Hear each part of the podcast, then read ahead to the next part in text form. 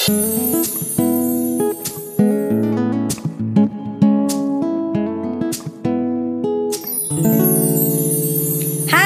Halo. balik lagi di podcast This is Sati Bersama Gue Isel dan gue Lia. Dan kami adalah Dari tadi yo.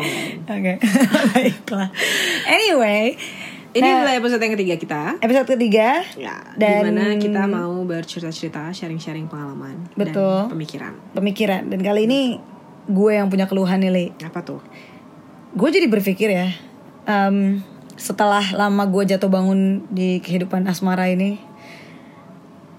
sebenarnya the one atau si pangeran idaman atau seseorang jodoh jodoh bahasa Indonesianya jodoh itu ada nggak sih gue bingung loh. Maksudnya Hmm. gue jadi berpikir apakah putus nyambung putus nyambung terus akhirnya karena kita udah ketuaan terus akhirnya jadi ya udahlah ini aja lah gitu. Ya, ya, ya, ya. soalnya kan gue pernah lihat ada meme yang bilang kalau di umur belasan kita ngeliat cowok terus siapa siapa lu? gitu. Terus 20-an siapa nih? gitu. Terus 30-an siapa aja deh sabi, sabi, sabi, sabi. Anyway, sebenarnya nih, gue tuh kemarin sempat mikir gitu. Tapi tiba-tiba gue keinget sama satu hal yang terjadi sama gue. Jadi kan ceritanya gue di Ubud nih. Gue mengandaikan jodoh tuh seperti ini ya. analogi nih Analogi nih, gue Analogi. menganalogikan eh, menganalogikan eh, jodoh tuh seperti eh, ojol di Ubud di Bali. apa tuh Jadi kan ceritanya gue tinggal di Ubud kan, eh tinggal di Bali. Tapi gue tuh kayak pulang pergi Denpasar Ubud. Jadi ceritanya tuh Denpasar Ubud sekitar 45 menitan lah. Dan memang tuh di daerah Ubud gak boleh banget ada ojek ceritanya. Dia bisa ngedrop dari area lain, tapi nggak bisa pick up dari eh, Ubud ke Denpasar. Ya. Susah banget. Ada, tapi tuh susah banget gitu ketemunya. Terus eh saking gue stres banget. Jadi biasanya tuh dari Denpasar ke Ubud tuh gampang nyarinya pasti dapet lah, kan? Pas pulang nih kalau misalkan udah sekitar jam 6 sore, jam 7 apalagi udah di atas jam 7 lah. Itu tuh ya ampun, gue rasa pengen nangis. Jadi si ojol ini antara misalnya nih lo eh gue udah deg-degan banget lah kalau gue udah pesen oh diterima gitu kan terus tiba-tiba udah typing nih tata gue udah takut nih gue udah deg-degan. Karena either dia minta cancel karena kejauhan atau minta tambah ongkos yang nggak make sense at all lo bayangin ya ceritanya kan harga tarifnya sebenarnya tuh cuma 30.000 ribu.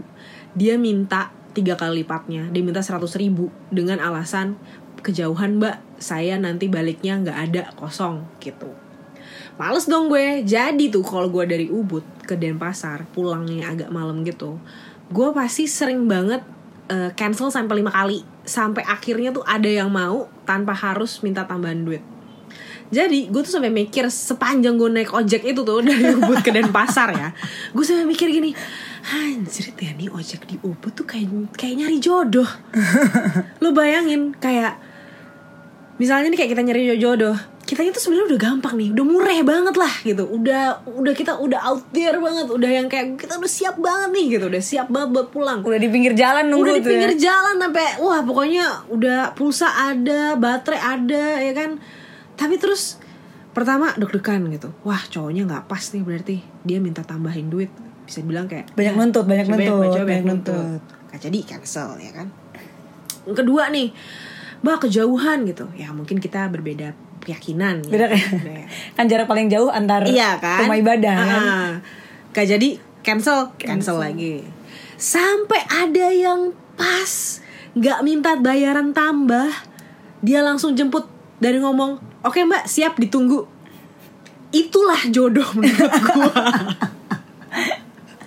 Jadi sebenarnya kesimpulannya? Kesimpulannya adalah sebenarnya tuh jodoh tuh ada. Ada percaya ada. Jodoh buat lo tuh ada cuman emang butuh effort lebih butuh keyakinan lebih dan lo tuh nyari aja terus. Nyari terus sampai itu pas banget sama yang lo mau.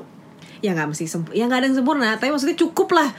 Misalnya ya siapa tahu dapat tapi mesti nunggu 20 menit Iya, gitu kan. atau kayak dapet tapi nambah dikit kayak sepuluh ribu dua ribu ya nggak apa-apa yang penting bisa pulang gitu tapi tuh ada ada gitu yang memang sesuai sama keinginan dan kebutuhan lo betul. asal sabar aja nggak apa-apa cancel lima kali nggak apa-apa. Yang penting tuh sabar dan penting ada tempat pulang gitu aja deh.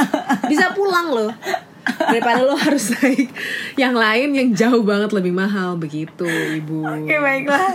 Setelah mendengar analogi ibu Saya percaya jodoh itu ada. Mungkin berikutnya saya coba di Ubud Pakai doa-doa sama jampe-jampe kali ya Bu Biar cepet dateng. Bisa bisa bisa jadi. Oke, seru juga ya mana analogi ya. Siapa tahu kamu juga punya eh, analogi-analogi sendiri, bisa juga di-share ya ke thisisati.com websitenya atau ke Instagram kita at thisisati dan semoga kalian suka dengan topik podcast kita kali ini. sampai ketemu lagi. Bye Sampai ketemu lagi dah.